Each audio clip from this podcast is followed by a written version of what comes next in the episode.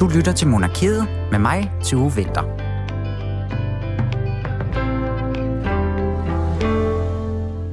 Kongemagten og øh, hele historien om den, den spiller en helt central rolle i vores forståelse af Danmarks historie.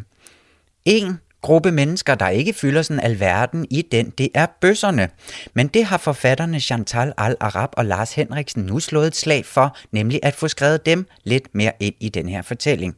De har udgivet bogen Bøssernes Danmarks historie, og det er den, det skal handle om her øh, i den her uge af Monarkiet, som det altså nu er blevet tid til her på Radio 4. For selvom bøssernes Danmarks historie, øh, eller for selv om Altså i bøssernes Danmarks historie, der er der simpelthen også mænd med blåt blod i årene skrevet ind i den. Og dem giver vi altså lidt opmærksomhed i forbindelse med, at øh, i den her uge, der bliver der fejret øh, Winter Pride i København. Og den her Winter Pride, det er jo så et arrangement, der nemlig sætter fokus på mangfoldighed og LGBT plus dagsordenen. Men vi må også lige tage en lille status på, hvordan det ellers ser ud ude i den kongelige verden, og øh, vi har jo blandt andet fint besøg fra England i disse dage, og det vender jeg lige med Julie Lindhardt Højmark, der står klar ved mikrofonen. Velkommen til Monarkiet.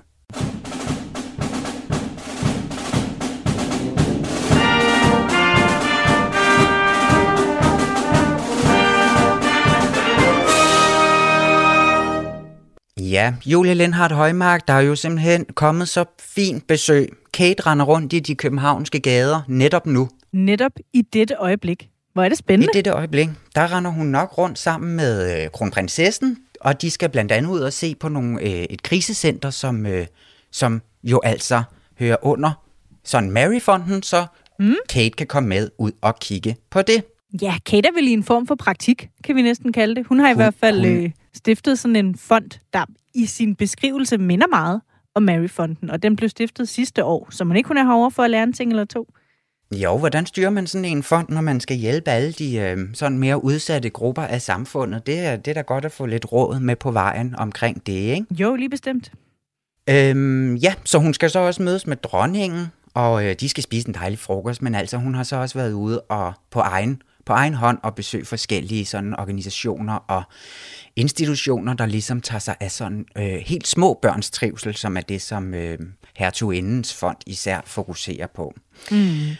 Det er jo super skønt. Øhm, men så kunne man også på BT's hjemmeside læse noget lidt interessant, synes jeg, fordi at det her på tidligere på ugen, der skrev de nemlig, at øh, den engelske ambassade har været ude til pressen og øh, ligesom advarer journalister imod overhovedet at stille spørgsmål omkring hele den her øh, prins Andrews-sag, der jo så altså øh, fik sådan det retslige, hvad ja. kan man sige, altså Ja, som, hvor der blev sat i hvert fald jeg tøver lidt. Jeg vil kalde det et forløbig punktum i den her sag, blev der sat i sidste uge, hvor, hvor prinsen og Virginia Giuffre, de indgik for lig.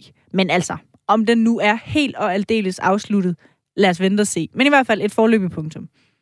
Ja, og et forløbig sådan retspunktum, ikke? Altså, jo. fordi at nu kan der vel sådan set ikke ske så meget, men det er jo, der kan jo godt ske en masse uden for, øh, uden, uden for forhandlingslokalerne, ikke? Øhm, jo, og der kan ske meget i forhold til hele sådan, altså hvad, hvad skal han nu? Og er der øh, nogensinde nogen, der vil altså, smile sødt til ham igen, eller øh, hvad kommer der til at ske? Ja, og vi ved så heller ikke rigtigt, hvad det er, det ligesom indbærer det her forlig, ud over sikkert en masse millioner kroner, ikke?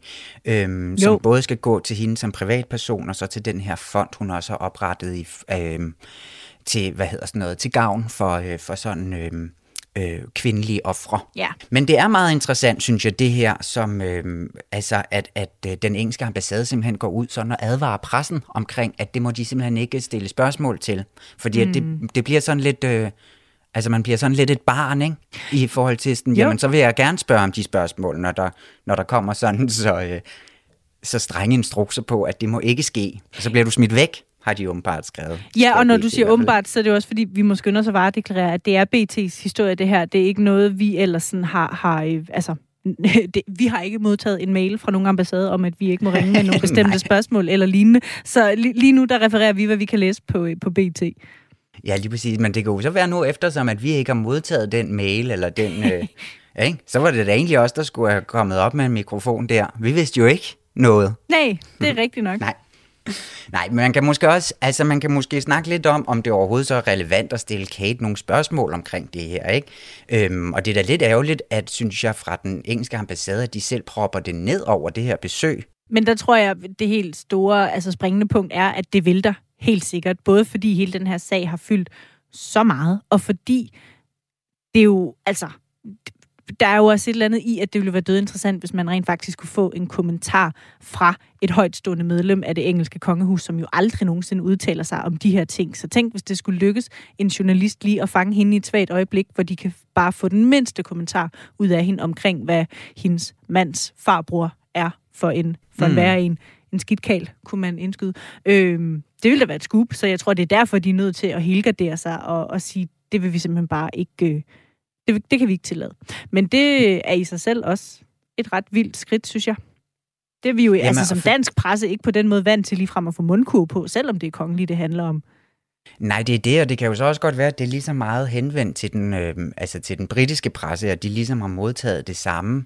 Ja. Øh, altså dem, der ligesom er mødt op i København for at følge de her øh, to kronprinsesser gående, eller i hvert fald her to inde her kronprinsesse ja. i, øh, i det hele. Men ja, jeg synes bare, det er lidt underligt, og jeg ved godt, som du også siger, det her med, at de jo aldrig ude kommentere på de her sager i det engelske kongehus.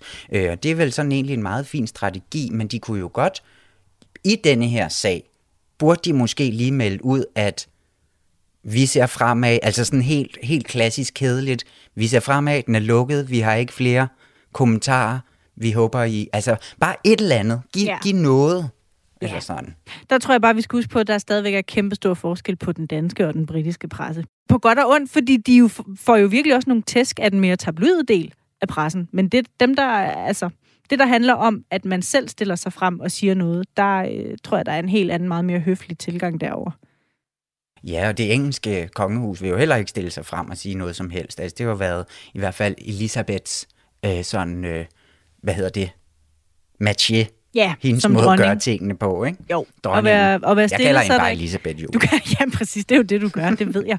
Ja. Jo, at med tavshed kommer man nu engang længst, det må øh, have været hendes øh, go-to i mange år. Ja.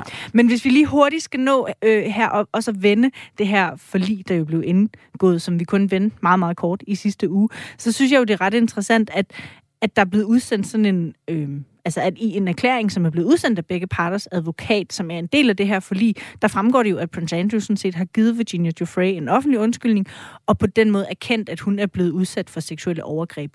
Og ja. altså, det synes jeg bare i sig selv er sådan ret vildt, den signal, der er i at indgå sådan et forlig, fordi han jo hele vejen igennem har benægtet, at der skulle være noget som helst øh, sandhed i de her anklager.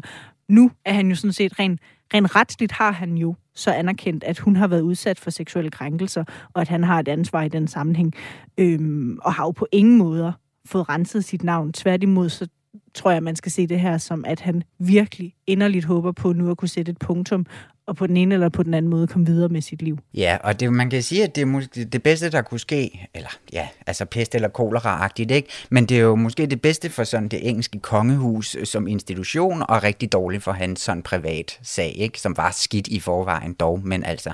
Ja, på den måde så er den sag nok ikke helt lukket endnu, og den øh, vender vi nok tilbage til. Også hvor alle de her penge skal komme fra. Det er der sikkert en masse, der gerne vil grave i også. Men Julie, vi skal videre, og vi skal snakke om, øh, om bøsser i monarkiet. Tak skal du have for nu. Selv tak. Papa, man siger, at den man elsker, tugter man. Vi tvivlede aldrig på din kærlighed. Chantal Alarab og Lars Henriksen, hjertelig velkommen til Monarkiet, og tak fordi I vil komme. Velkommen, selv tak. Lars Henriksen, du er blandt andet øh, politisk forperson for Copenhagen Pride, og Chantal Alarab, du er historiker, og sammen øh, ja, og blandt alt muligt andet jo også, kan jeg også lige sige. Ikke? Udgivet forfatterinde, og det er jo nemlig derfor, at I sidder her i dag, fordi at vi skal snakke om den bog, som I har forfattet sammen om bøssernes Danmarks historie. Ja. Og i det her program, der beskæftiger vi os jo øh, med en niche, kan man sige, der er utrolig beskrevet og dokumenteret i vidt og bredt i historie analerne rundt omkring om de her kongelige øh, personer her. Og øh, I er jo så kommet for at fortælle lidt om bøssernes historie fra år 1900 og så op til i dag cirka, som I har beskæftiget jer med. Og der er altså også et par konger, der har snedet sig ind, eller i hvert fald et par kongelige, ja, og der dronninger. har sig ind, og dronninger, ja. der har snedet sig ind i denne her, øh, i jeres fortælling her.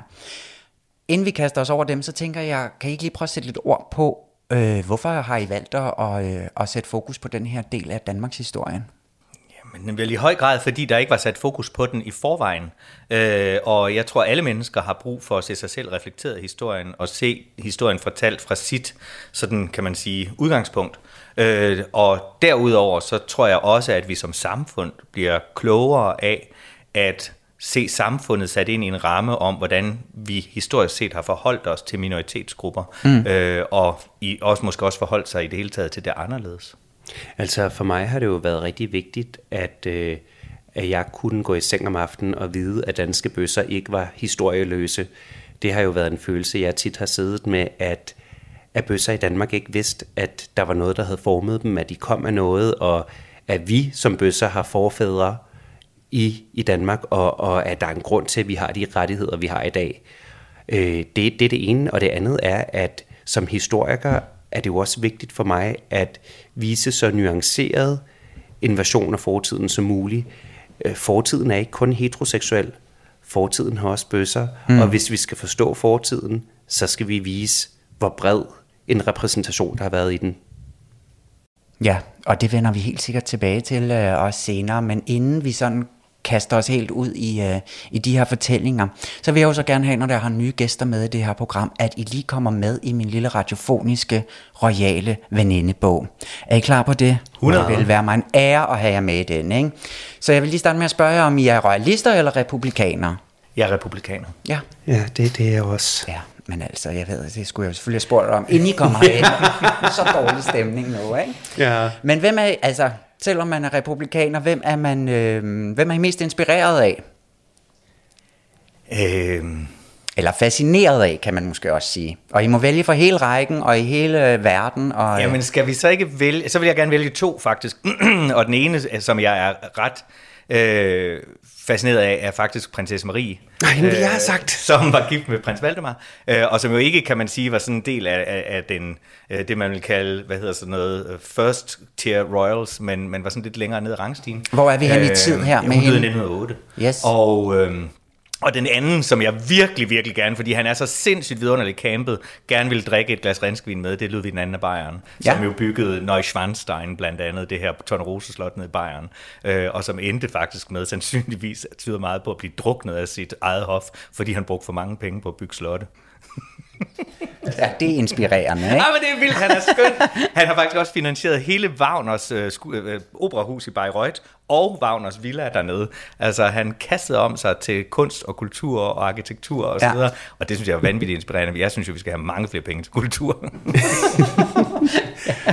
Så lidt royalist alligevel måske, hvis du siger, at vi skal have flere penge ind i, ind i kongehuset, så de kan bygge nogle, øh, ligesom i gamle dage. Jeg tror, vi alle sammen kan være fascineret en gang imellem af oplyst enevælde, når der i øvrigt er ja. nogen, som vi selv opfatter som oplyste, men sådan er det jo desværre sjældent. Ja, præcis. Chantal, hvad med dig? Jamen, når Lars nu har taget prinsesse Marie, så må jeg jo gå andre steder hen, og, og jeg vil også gerne vælge to, og det bliver også en, en dame og en mand.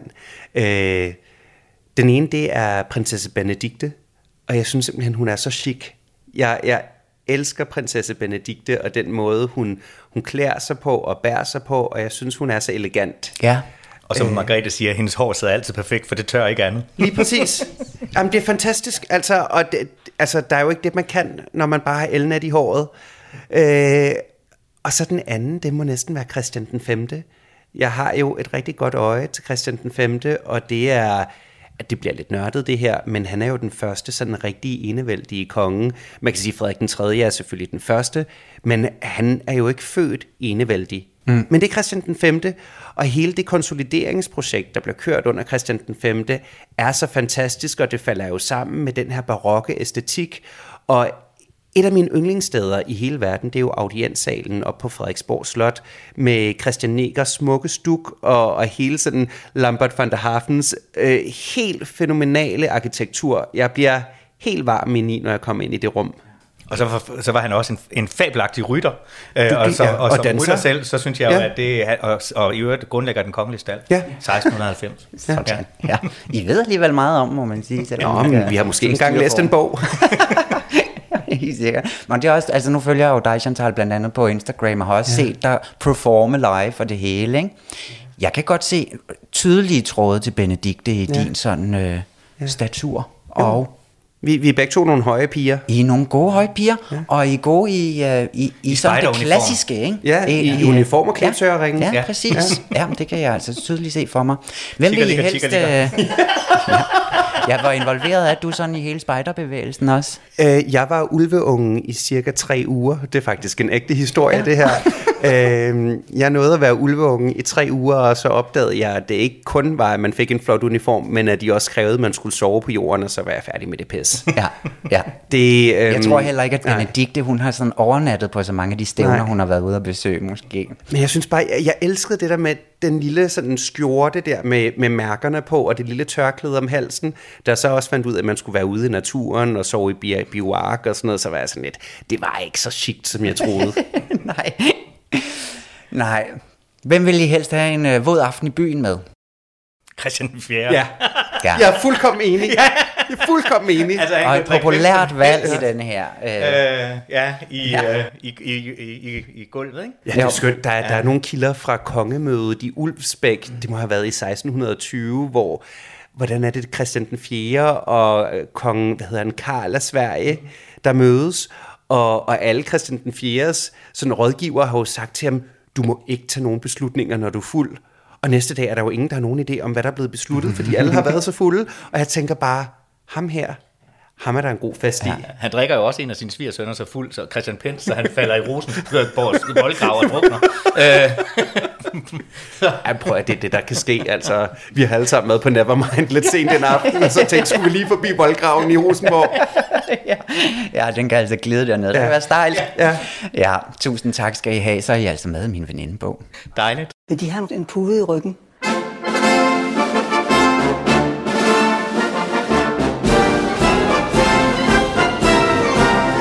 De vil, så har jeg sagtens lånt dem en pude. Oh, det vil jeg vældig gerne have. Øh, hvor er mine møbler blevet? Nej.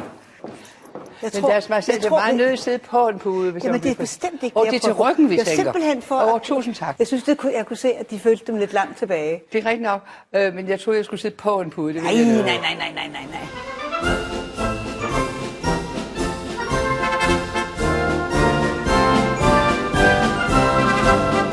Vidunderligt, og jeg kunne godt tænke mig, nu sagde du det også lige selv, sådan tal, det her med øh, et look, ikke? Ja. Jeg synes jo umiddelbart, der er noget ret øh, bøsset over sådan en kongelig æstetik på mange ja. måder, ikke? Ja, ja. Er der, er, altså, kan man lave nogle tråde der?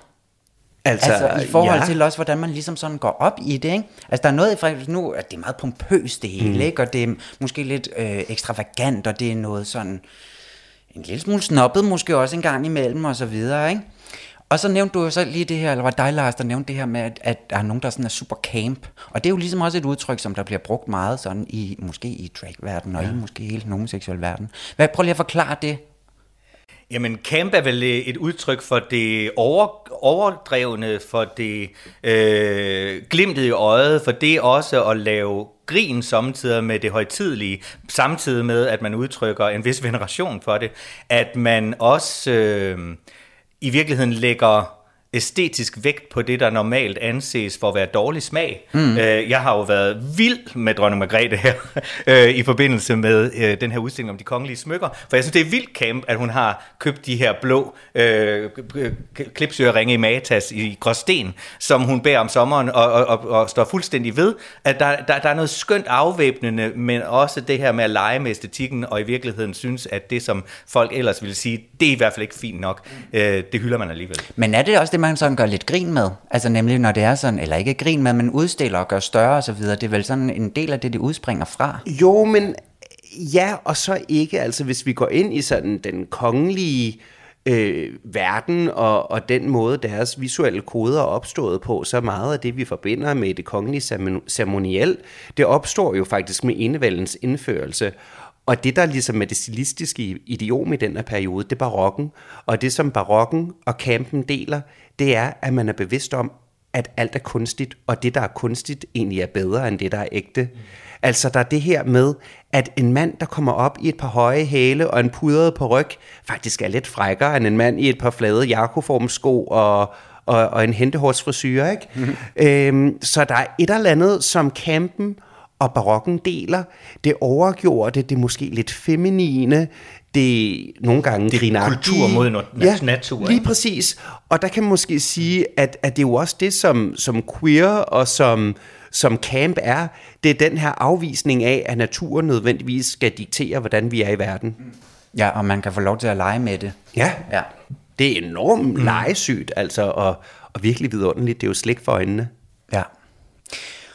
Og det, som det jo så egentlig også skal handle om, det er jo, at, at der er nogle af de her mennesker, der har fundet vej til, øh, til jeres bog også. Ikke? Og der rejser vi jo så en lille smule op i tid her, fordi at de er jo så tilbage til omkring år 1900, hvor det ligesom, hvor at jeres fortælling tager jeres udspring om de her, øh, om, om de homoseksuelle mænd gennem tiden her.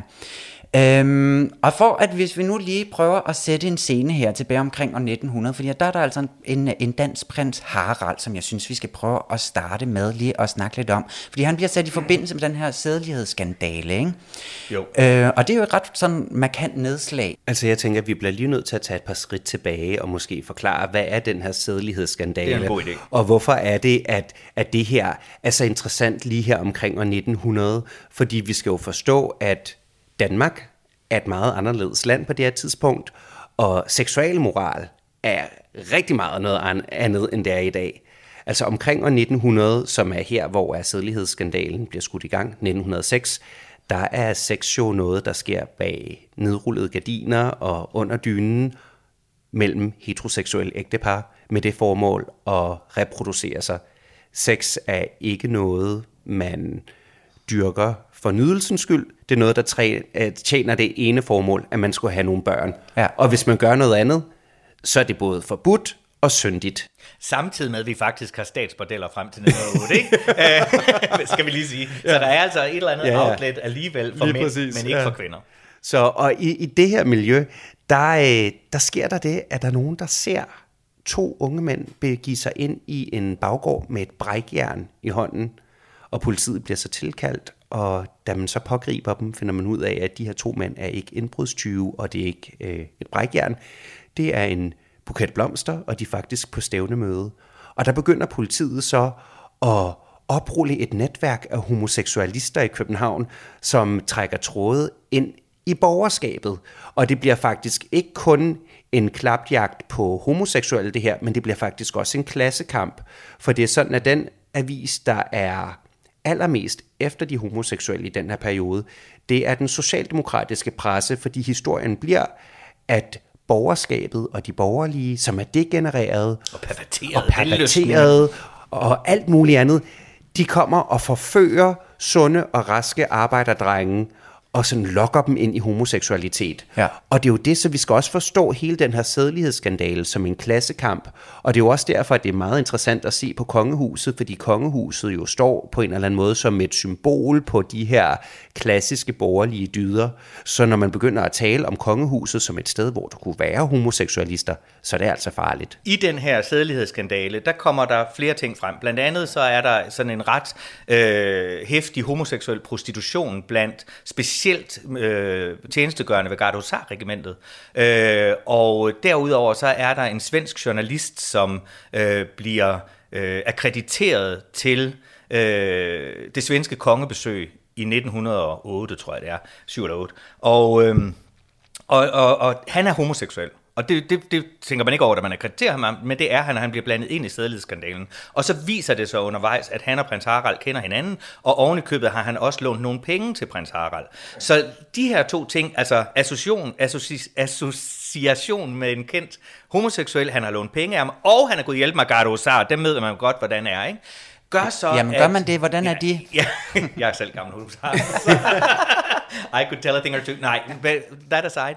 Øh, men det gør så, at man begynder at skrive om det i pressen, og specielt Christi Dagblad kører virkelig, virkelig hårdt på med i det hele taget prostitution i København, og hvordan skriver de, at prostitutionen er så om sig gribende, både mandlig og kvindelig, at det er helt ind på kongens slot, og hvor garderne slipper prostitueret med ind i garderstuen og så videre, og, øh, og så ender det altså med, at øh, kongehuset faktisk lægger sag an mod Christi Dagblad øh, og får redaktør Mathisen øh, fra Christi Dagblad dømt for æreskrænkelse af en person af det kongelige hus. Og der er ikke noget i, histori- i de historiske kilder, der på nogen måde tilsiger, at prins Harald var homoseksuel. Nej. Han blev også gift der i 1909 med prinsesse Helena, øh, og det kan man så måske spekulere i, var det for ligesom at i hvert fald bevise, sætte to tykke streger under, at han var ikke homoseksuel. Det kan vi jo ikke vide. Men det interessante er, at øh, i forbindelse med bogen, hvor vi læste alt det her, eller hvor jeg fandt alt det her, så tænker jeg, hvad, hvad, søren har det gjort ved et menneske? Og øh, hvordan, har, hvordan har han været påvirket af det, og er det noget, man har talt om i familien? Øh, og så ringede jeg til hans oldebørn, øh, komtesserne af Rosenborg, øh, og talte med dem alle tre, der hver især sagde, vi har aldrig hørt det omtalt. Det er noget, vi aldrig har talt om. Det anede vi ikke. Øh, og siden har jeg talt med deres onkel, som sagde det samme. Han har aldrig nogensinde hørt om det. Så på den måde kan man sige, så er det altså åbenbart ikke noget, hvor jeg tænkte, det er der noget, der vil have påvirket et menneske livet igennem. Det har det, eller i hvert fald har det været tid ihjel. Mm. Men, men kunne det så ikke også have, eller kunne det ikke være et formål for så den her socialdemokratiske presse at prøve at, og nemlig at føre de her tråde helt op til øh, ham her, prins Harald, på det her tidspunkt? Jo, men, men der er det i det, at, at det er jo faktisk Venstre, der sidder på, øh, på regeringsmagten på det her tidspunkt. Vi har haft systemskiftet i 1901, og Venstre er kommet til. Øh, og... Øh, og, og det vil sige, at Socialdemokraterne har jo ikke, kan man sige, den politiske magt til at følge op på det her. Til gengæld så har man en justitsminister, Alberti, P.A. Alberti, øh, som nogen måske kender, øh, ja, og som bukserne. i 1908 øh, går til bekendelse øh, træder ind på Københavns Domhus og, og, og bekender sig at, til at have stjålet adskillige øh, det der svarer til mange millioner i dag fra statskassen. Øh, og ovenikøbet har også fået et lån gennem statsministeren I.C. Christensen. Øh, og, og ender med at blive fængslet. Og der, spekulerer, eller der, der er historikere, der har ligesom ført frem, at Alberti også øh, pusser til gløderne i den her sædelighedsskandale, øh, og får politiet til ligesom at vende sit blik mod de homoseksuelle, simpelthen for at øh, vende blikket væk fra sig selv, fjerne fokus fra det, han selv går rundt og gør. Og, øh, og så på et eller andet tidspunkt, så løber bolden ligesom fra dem, at, at det ender med, at det ikke bare er Tandlæge Å nede fra Vimmelskaftet, der bliver drejet ind i det her, eller øh, Falberg Hansen, som i øvrigt skriver det blad, der, der hedder Politivennen, øh, og andre ligesom i deres socialklasse, men det flytter for tæt på magten, og for, for tæt på kongehuset, og der først stanser ligesom bolden, ja. øh, da, da det på en eller anden måde bliver risikerer at blive samfundsomstyrtende på en eller anden måde. Men hvad, hvad sker der så? Altså, hvordan, øh, hvor meget ved man omkring, hvad der er sådan konkret er sket? Hvor meget har hoffet været inde over det her? Hvem har ligesom sådan, hvad skete der efterfølgende med, med altså, den her klapjagt? Jamen det, det, det første, der sker, er jo i virkeligheden, at der, der er en dame, der hedder Thor Esche, som er sådan en, en, en lidt en, en øh, hvad hedder sådan noget, jeg havde prædikanter måske så meget sagt, men hun er i hvert fald en... samfundsrevser. Ja, samfundsrevser.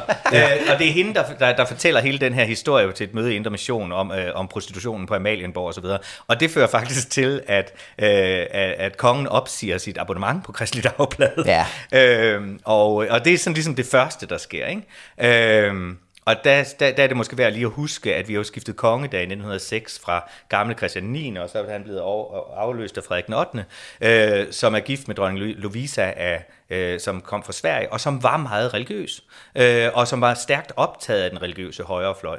Øh, og, og det fører så også til, at man fyrer hofmarschallen, fordi han åbenbart har været til et møde. Der, der, altså, Kristi Dag, altså, ikke, øh, Indre Mission er en anden magtfaktor i samfundet på det her tidspunkt, end vi kender det i dag. Ja. Øh, langt flere medlemmer, en stor presse, masser af missionshuse rundt omkring, øh, og ambulerende prædikanter og så videre, der tager rundt og missionerer. Øh, og, og det er dronning Louisa også en del af. Øh, så derfor er det et ret markant skridt, at kongehuset faktisk opsiger sit abonnement på Kristelig Dagblad i den her øh, sammenhæng, og at man så også tager skridtet øh, lidt senere øh, til faktisk at lægge sag an gennem Justitsministeriet mod redaktøren på Kristelig Dagblad, og ender med at få ham dømt for æreskrænkelse. Men, så stopper sagen jo ligesom der, ikke? fordi nu, nu har man ligesom fået slået en streg. Men man var da enige om, at det var ulovligt, altså at, at det som de her mænd begik mod øh, yngre mænd og så videre. Hvad med politisagerne omkring det her? Blev de øh, også bare sådan skuffelagt, eller? Øh, jamen altså, det, det der er interessant, det er, at der er forfærdelig mange, eller der, der er temmelig mange mænd, der bliver taget til, til, til afhøring og forhør, men det ender med ret få domfældelser ja. faktisk, i, i forhold til, hvor mange der har været til forhør. Men det betyder jo ikke, at der ikke har været en, øh, en, en høj grad stress øh, blandt almindelige homoseksuelle i, i København. Og, øh, og, og, og en person som Herman Bang for eksempel er også til forhør og så videre, og ender med faktisk at flygte et par år til Berlin for at slippe væk fra mm. hele den her skandale, fordi han er jo selvfølgelig som offentlig person endnu mere eksponeret i det her end herr Jensen fra Vesterbro, ikke? Ja, ligesom prins Harald måske også var rimelig profileret Ja, i den her, præcis. eller i hvert fald, der skulle lukkes ned for den har været sag, lidt offer, Jo, jo, helt sikkert. En anden lille historie, jeg faldt over i jeres, øh, den er måske en, en anelse mere romantisk lidt, ikke? Ja, fordi der er jo faktisk et sådan homoseksuelt par, kan man øh, forstå. Og det er også der, de har også en prinsetitel, prins Geo og prins Valdemar. Ja. Og de levede måske sådan heller ikke helt efter sådan, hvad der var forventet af dem, eller hvordan. Men Lille, lille søde Goggi. ja, Ja. godt Ja. Jamen altså... Du har græske aner, og du Ja. kunne fortælle lidt om det.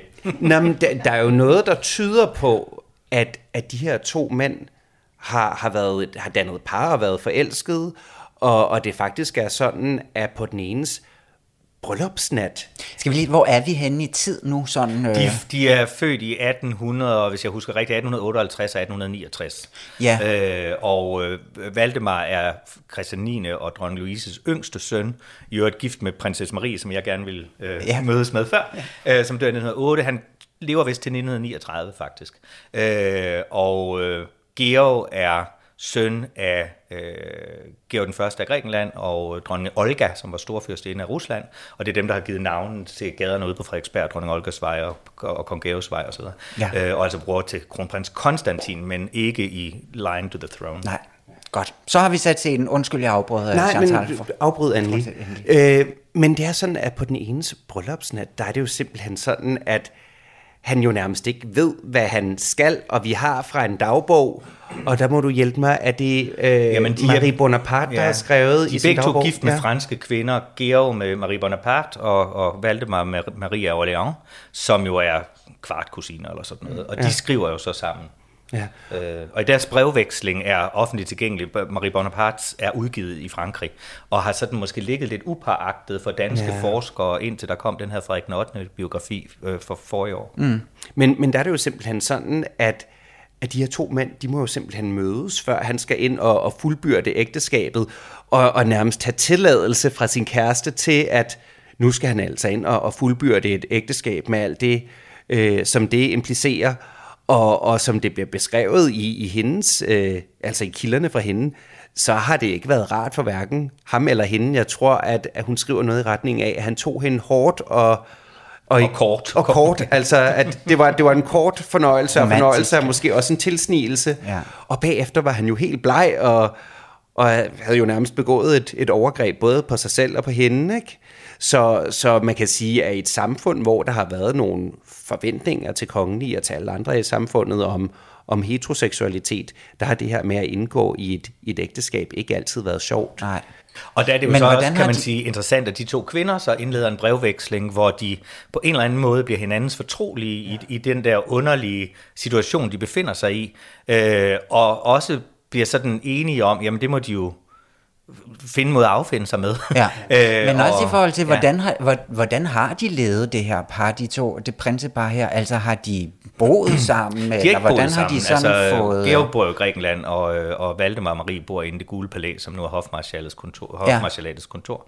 Øhm, og, og så mødes de på ferier, altså dengang, altså når man tog nogen steder hen, hvis Valdemar tog til Grækenland, så var han der jo tre måneder eller sådan noget, ikke, fordi der var langt.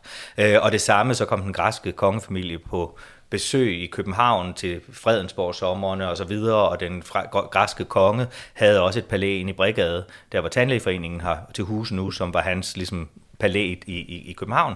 Øh, så der var jo muligheder for at ses, øh, men, men de, var, de, de boede ikke sammen. Nej. Hele de her, eller alle de her historier her, altså de, de er så sådan en lille smule mere veldokumenteret, det her par, Ja. ja. i forhold til Harald, altså i hvert fald omkring hans, øh, hans homoseksualitet her, ikke?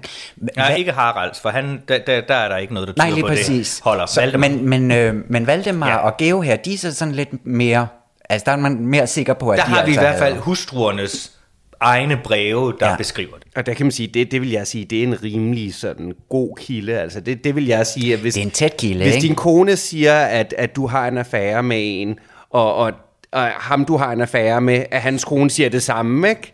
så tænker jeg, så er der måske noget om snakken. Ikke? Ja, jo. Altså der er ikke noget, med, ikke noget røg uden at Brand. ja, brand og så videre. Ikke?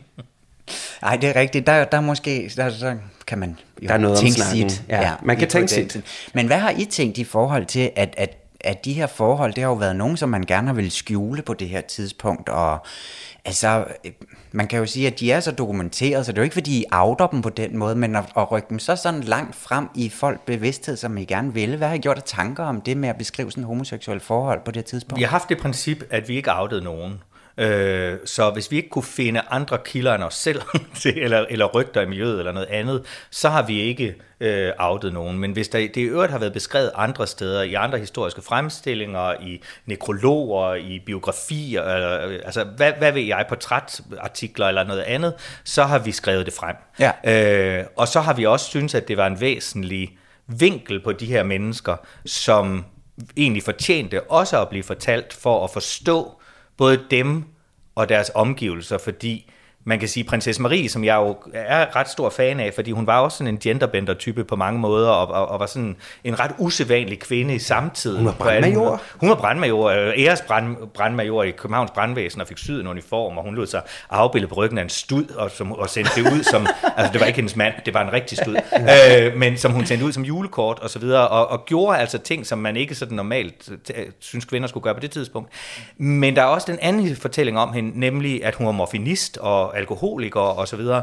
Øh, og det skriver øh, Valdemars søstre, Dagmar og Alexandra, som er kejserinde i Rusland og, og, og, og engelsk dronning, ja. til hinanden om, og, og hvordan øh, Marie jo altså skal på en eller anden måde hjælpes eller holdes i have og så videre.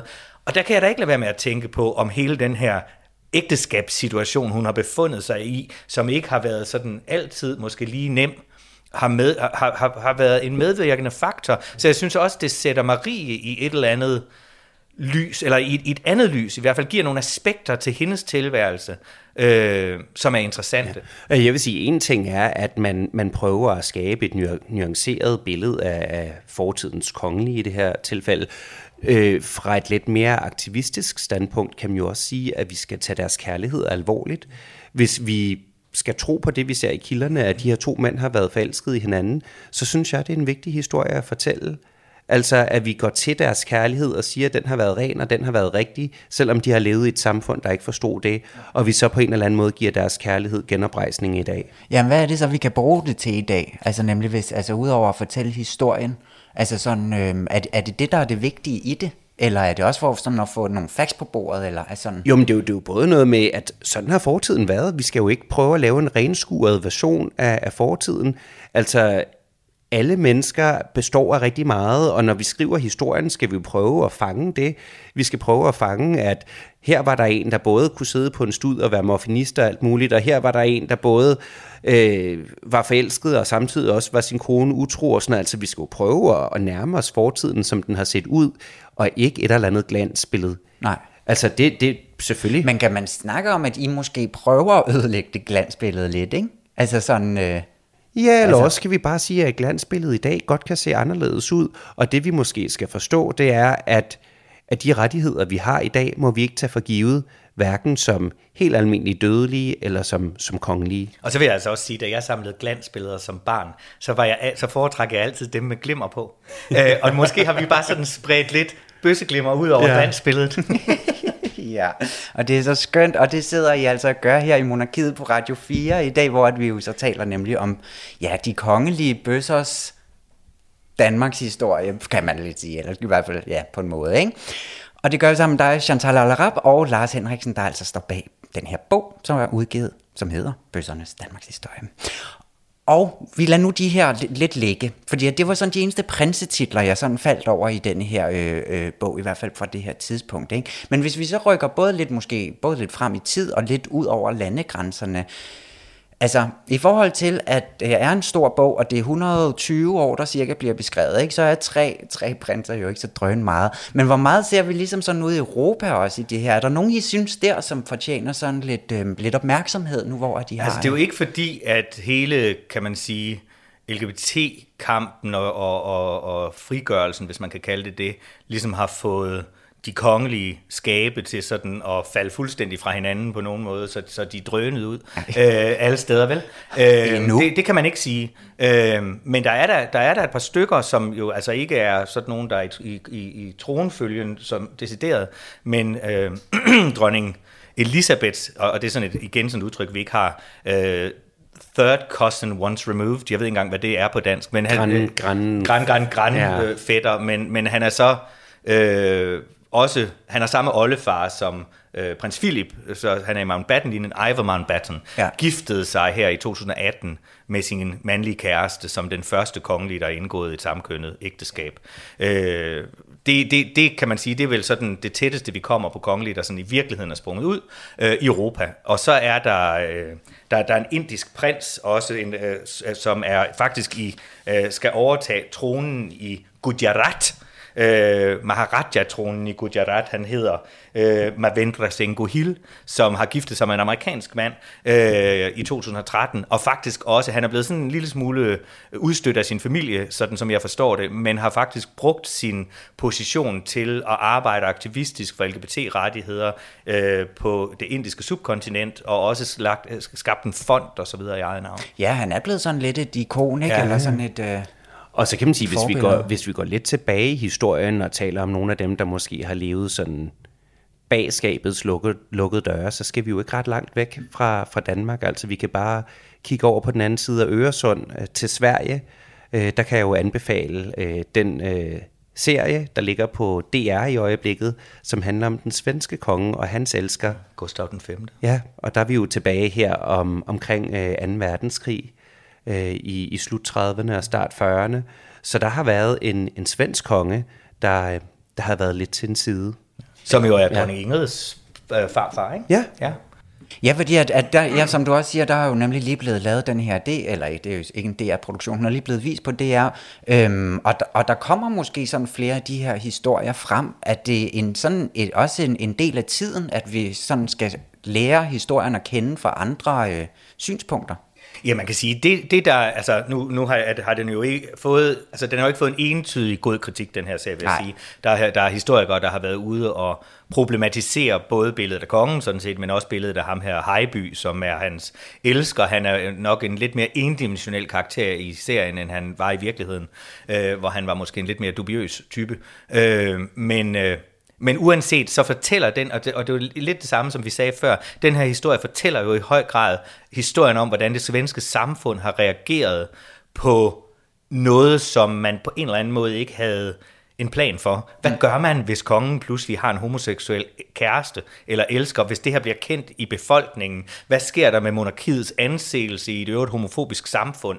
Øh, hvor- hvordan stiller det kongen i forhold til eventuel afpresning og så videre og så videre og så videre? Øh, og og, og det, det ender jo med, at han bliver, så bliver han landsforvist til Amerika og bliver sendt hjem igen, og så bliver han landsforvist Hejby, det er altså ikke kongen. Nej. Øh, og så bliver han til, ryger han til Berlin, og de får ham indsat i nazistisk fængsel, og han kommer hjem igen, og så videre. Altså, det, det, det handler jo også om, om i virkeligheden det svenske samfund, sådan desperate forsøg på at håndtere det her, og forsvare samfundets institutioner imod noget, som man på en eller anden måde ikke er i stand til at håndtere på en, på en, en synes vi, måde, fornuftig måde. Nej. Det kunne jeg da håbe på, hvis vi så stod i dag, og at det var prins Christian, der pludselig øh, kom og sagde, at jamen, jeg kommer altså til at at få en prinsgemal og ikke en dronning, øh, at vi så i virkeligheden var i stand til at håndtere den situation, og vi ikke endte i den samme suppedags og panik, Ja. som, som serien her giver udtryk for. Så på den måde synes jeg godt, vi kan lære noget af det. Men der har også været forskellige gennem de sidste år her måske. Der har blandt andet de, det engelske, jeg tror ikke tronfølgepar, men øh, øh, William og Kate været ude at sige, at hvis deres børn de bliver homoseksuelle, det skal de bare gøre, det styrer, mm. eller det finder vi ud af. Det samme har de gjort i øh, Holland, hvor de har skrevet også lidt om i nogle love, så det kan lade sig gøre. Mangler vi lidt det i Danmark, at der kommer bare en italesættelse af det?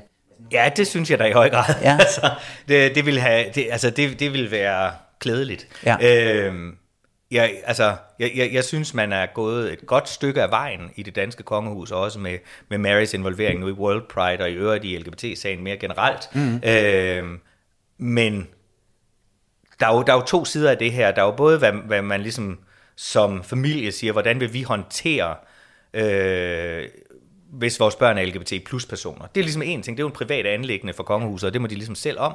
Men så er der, øh, eller, eller, eller, det, det synes jeg, det, det, og det har jeg faktisk stor tiltro til, at de forstår og håndterer på en god måde. Men så er der det andet, som er jo sådan et politisk øh, spørgsmål, der hedder, jamen tronfølgeloven, er den for eksempel øh, tilstrækkeligt opdateret til at rumme den her situation, og sætter tronfølgelovens bestemmelser lige nu kronprinsparet i en dum situation, der som det skulle ske, fordi det presser dem til nogle ting, som, altså, er det ikke på tide, at vi får opdateret, ligesom man har gjort i Holland, tronfølgeloven, i en situation, hvor det ikke lige nu ser ud, som om det bliver aktuelt, Nej, nej. men sådan, Ja, at så vi vi har ligesom forudsat muligheden. Ja. Ja, man, man, man kan jo sige, at lige nu, der, der er der jo flere ting med tronfølgerloven. Man kan sige, for det første er den blevet opdateret før, altså med øh, kvinders rolle. Øh, noget andet er, at, at den model, vi har lige nu, kører øh, på det, der hedder primogenitur, altså den førstfødtes arveret. Og det er jo først noget, vi får i Danmark efter enevældens indførelse ja. I 1660. Så på den måde, så opererer vi med en tronfølgerlov lige nu, der har lidt sådan efterslæb fra, fra 1660'erne. Måske er der nogle ting, vi godt må, må overveje og, og genopfinde, uden at det nødvendigvis går ud over sådan noget som, som tradition. Fordi man kan sige, at en, en, en vigtig ting med kongehuset er jo også, at der er noget tradition indbygget i det. Og der kan man sige, at det der med, med arvefølge og sådan noget, det har jo ikke nødvendigvis været noget, der handlede om at være førstfødt. Altså, der er jo lange traditioner i det danske kongehus for, at man hentede nogen ind fra højre eller venstre, eller hvor de nu kom fra. Vi havde aldrig haft en bukislag, hvis ikke det var fordi, at man kunne, man, man kunne hente en, en, en fjern fætter ind. Så, så på den måde Men kan det var man så også sige, en at... situation, hvor der ikke var en direkte tronfølger. Ikke? Jo, jo, men, men, Og der kan men jo ske så meget. Altså det, man og kan jo man også sige, hvis det ikke... i, øh, i, i 1849, der, da man præcis. udnævnte øh, den kommende Christian 9. som tronfølger, var man ligesom ude at finde en sidegren Ja, ja, og det det. tilbage til Frederik den 6. eller sådan noget. Ikke? Så, så man kan sige, at altså, det er jo tit det, man hører som et argument, jamen, hvad nu hvis ikke de får børn? Så, så tænker jeg, jamen, det er der der er råd for. Det, det har vi faktisk. Vi har noget præcedens, hvor man har gjort noget før. Altså finder man en fætter et eller andet sted ude i Eller her det kunne kæmpe være, at man kunne, kunne lade det være op til familien selv, når man har fået sine børn og har kigget lidt på dem, øh, og så sige, vi, vi vælger da den, som vil være bedst egnet, altså den, som i virkeligheden også vil trives bedst med det, og ikke den, der er tvunget ind i det. Ja, det er jo sådan en helt valgkongedømme. Ja, men, men, men det. jeg, synes ikke, altså, jeg, det ved jeg ikke, om vi selv skal stemme om, men man kan da godt sige, det må da være op til forældrene at, at være med til at hjælpe deres børn til at beslutte. I don't know. Det, det skal jeg som republikaner heldigvis ikke bestemme. nej, nej, men til gengæld så har du så faktisk arbejdet sammen med Mary omkring de her, øh, altså hun var jo projekt, protektor, Ja. ja. hedder det. Øhm, ja, for hele det her store World Pride arrangement, der var i København, var det vel sidste år? For Ja, år? det var Sidste i år. august 21. Ja. Altså, hvor meget gav det ligesom til jeres sag og jeres udbredelse om det her, når så kongefamilien, de faktisk går aktivt ind i sagen, som Mary gjorde her? Eller? Jamen, det, det giver jo vældig meget, altså, og det gør det jo, fordi hun er øh, tæt på statsoverhovedet, hvis, altså, og vi ved, hun bliver kommende statsoverhoved, og hun dermed også i kraft af den ligesom, position, hun har givet i det her samfund, taler med en lidt større vægt end de fleste, øh, og der bliver lyttet til, hvad hun siger, og det gør der både i Danmark og i internationalt Ja. osv., øh, og det, at hun ligesom øh, fagner en sag, øh, det gør, at den, den bliver hørt på og, og lagt mærke til andre steder, og derfor er det selvfølgelig vigtigt. Og derfor synes jeg også, det er ret vigtigt for mig at sige, at jeg er måske sådan... Øh, ideologisk republikaner, men, det, men fordi jeg synes faktisk, vi har en kongefamilie, der gør det vældig, vældig ja, godt, det og kan de jo godt være søde er vanvittigt mennesker, dygtige. Øh, men der er noget sådan helt øh, absurd i at have en rolle, man er født til. Øh, og det, altså, og, og, og det, der er i det, det er jo, at det er jo vilkårligt. Vi er jo heldige, at vi har en kongefamilie, der gør det godt. Men vi kan jo ikke slippe af med dem, hvis de begynder at dumme sig. Øh, sådan som det er skruet sammen. Det er i virkeligheden der, kompleksiteten opstår. Øh, fordi hele den her tanke om, at det er for dyrt og sådan noget, den køber jeg slet ikke. Det bliver meget dyrere at have en præsident. Øh, så det, det er faktisk ikke der, den for mig ligger. Det handler i virkeligheden om det her sådan grundlæggende udemokratiske princip om at være født til noget, frem for at være øh, demokratisk valgt, ligesom ja. man er til alt andet her. Men, men for lige at komme tilbage til spørgsmålet, der vil jeg lige sige noget af det, jeg lagde mærke til ved, ved Mary, det var, at hun faktisk havde sat sig ind i stoffet. Ja, og, og man kan se, at hun er et menneske, der lytter. Ja. Altså, fordi når hun holdt taler i forbindelse med det her, de ting, hun sagde, det er ikke noget, man bare siger. Altså, det var meget, meget åbenlyst for mig, at hun faktisk havde sat sig ind, og hun havde brugt tid på at lytte til de mennesker, som det her handler om, og så prøvede at gøre sig selv til den bedst mulige repræsentant for deres rettigheder. Ja. Og så vil jeg sige, at hendes sympati var enestående, fordi der var masser af vores aktivister, som kom fra hele verden, som jo ikke kom fra en kontekst, hvor det at møde eller omgås en kongelig var sådan hverdagskost, og som ikke rigtig vidste, eller det var i hvert fald min reaktion, at det ikke rigtig vidste, hvor, hvordan man ligesom sådan rent etikettemæssigt øh, forholdt sig, og som gik ret tæt på, og som havde brug for at fortælle deres personlige historier osv., Og jeg var sådan på et tidspunkt, nej, skal jeg gribe ind? Og så siger øh, øh hofdamen, det klarer kronprinsessen. Og det gjorde hun på den fineste, mest empatiske, øh, tålmodige måde, og var virkelig ja. til stede, og brugte tid, og var følt med det. Altså, så, så jeg er altså faktisk fuld af beundring for den øh, kvindes professionalisme og dygtighed osv. Og, øh, og så, så gudskelov for hende. Og det er jo skønt ja. med en masse repræsentation, og også dejligt, at der så kommer den, øh, den form for fokus på det fra de øh, Og så vil jeg lag, sige, jeg beundrer hende også bare, for hun kan gå i de sko. Ja. Altså, det er virkelig imponerende, fordi hun kan gå i dem i mange timer. Ja. Altså, når jeg har været oppe i sådan nogen, så skal jeg have fødderne op i et par timer, for at jeg kan bevæge mig rundt igen. Ja. Så det vil sige, det kræver altså også lidt respekt. Ja. Det gør det bestemt. Og øhm, vi når, altså, altså tiden løber sammen med jer to her. Der er jo masser at snakke om her, men jeg plejer jo altid lige at slutte af med en lille quiz, som I også har sagt, I gerne vil være med Ja. til at lave, ikke? Men det er jo i hvert fald skønt lige sådan, at, øh, at I kommer her, og man kan jo få mange flere skønne og halvtragiske øh, historier fra jeres øh, bog, den her øh, Bøssernes Danmarks historie, som du, Chantal Al-Arab, og du, Lars Henriksen, altså har forfattet. Men vi skal lige slutte af med en lille quiz. Livac præsenterer... Så gælder det om at vise, hvor dygtige I kan blive.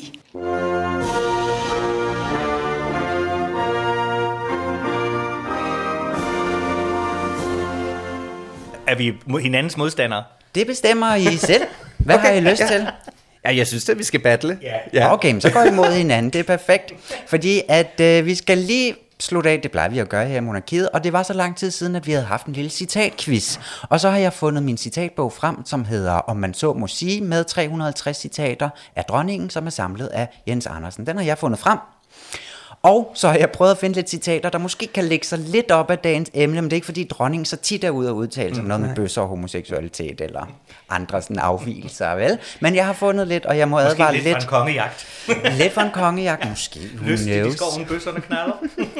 Ja, jeg kunne læse i den, jeg var faktisk lige ved at prøve at lave et spørgsmål om det, men det er et sted, hvor hun ikke klæder sig chict, har hun selv sagt. Det er på jagt, der Ja. må være praksis. Ja, det forstår jeg godt. Ja, ja. det er ligesom at være spejder. Ja, Ja, lige præcis. det er præcis. Og- Men første spørgsmål, det kommer Skal her, man hvis bare I række hånden op og være... Eller, eller? I får et svar hver, Nå, okay. og I får også nogle muligheder, som I vil. Ikke?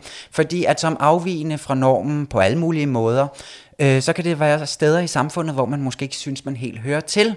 Og her der beskriver dronningen et sted, hvor hun ikke helt synes, hun passer ind. Ja, se nu en skarp vinkel, jeg havde lavet der. Bum. Ja. Ja, øhm, ja, selvfølgelig kunne det være sjovt at besøge, det jeg skal gætte, men selvfølgelig kunne det være sjovere, hvis man ikke så sådan ud, som jeg gør, for det er ikke spor morsomt at gøre en ting, som alle lægger mærke til, at man gør. Det er det, hun siger. Hvad er det for en sted, hun snakker om her? Det, det kunne godt være LaLandia, tænker Eller jeg. Christiania. Ja. Du siger Christiania, så Ja. siger jeg LaLandia. Hvor er det flot, Lars. Det er Christiania. Er det rigtigt? Nej. Ja. Så flot, og der var endda muligheder og det hele.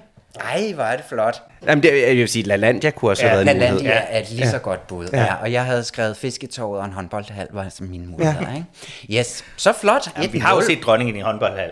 Ja, ja. ja, men det er fra 1980, det her. Ah. Nå, måske, hun, ja. øh, lige Nå, der var skulle LaLandia ikke bygget endnu. Nej. Nej. Andet spørgsmål, 1-0. Øh, her der beskriver hun en sådan lidt bøsset aktivitet. I hvert fald, hvis det ja, bliver lavet af, af mænd. Ja. ja, ja, det, ja. Vi var, man bilder sig ind, at man er vidunderlig, og det er man jo slet ikke. Det ved man jo godt, men man har det dejligt. Hvad er det for en aktivitet, hun øh, forklarer her? Vil I have nogle muligheder Nej, jeg her? tror da godt, jeg ved det. Ved du det? Hvad, hvad, gætter du på? Jeg tror, hun danser ballet. Ja. Og det har jeg nemlig selv prøvet, og følte mig virkelig fantastisk, ja. indtil der kom spejle op i dansesalen, så holdt jeg op. Ja, b- b- b- jeg synes, ballet er et godt, et godt øh, det, det kunne også være folkedans. Ja, ballet er korrekt. Nej, Lars. Hvor er du god, Lars. Det er fuldstændig crazy, det her. Tredje og sidste spørgsmål, det kommer her. Her udtaler hun sig om demokratiet, og I skal færdiggøre følgende citat fra nytårstalen i 1985. Vi skal kunne tale sammen for at nå til enighed, men vi skal også tale sammen for, at alle forskelligheder kan komme til udtryk, fordi vi jo ikke... Hvad?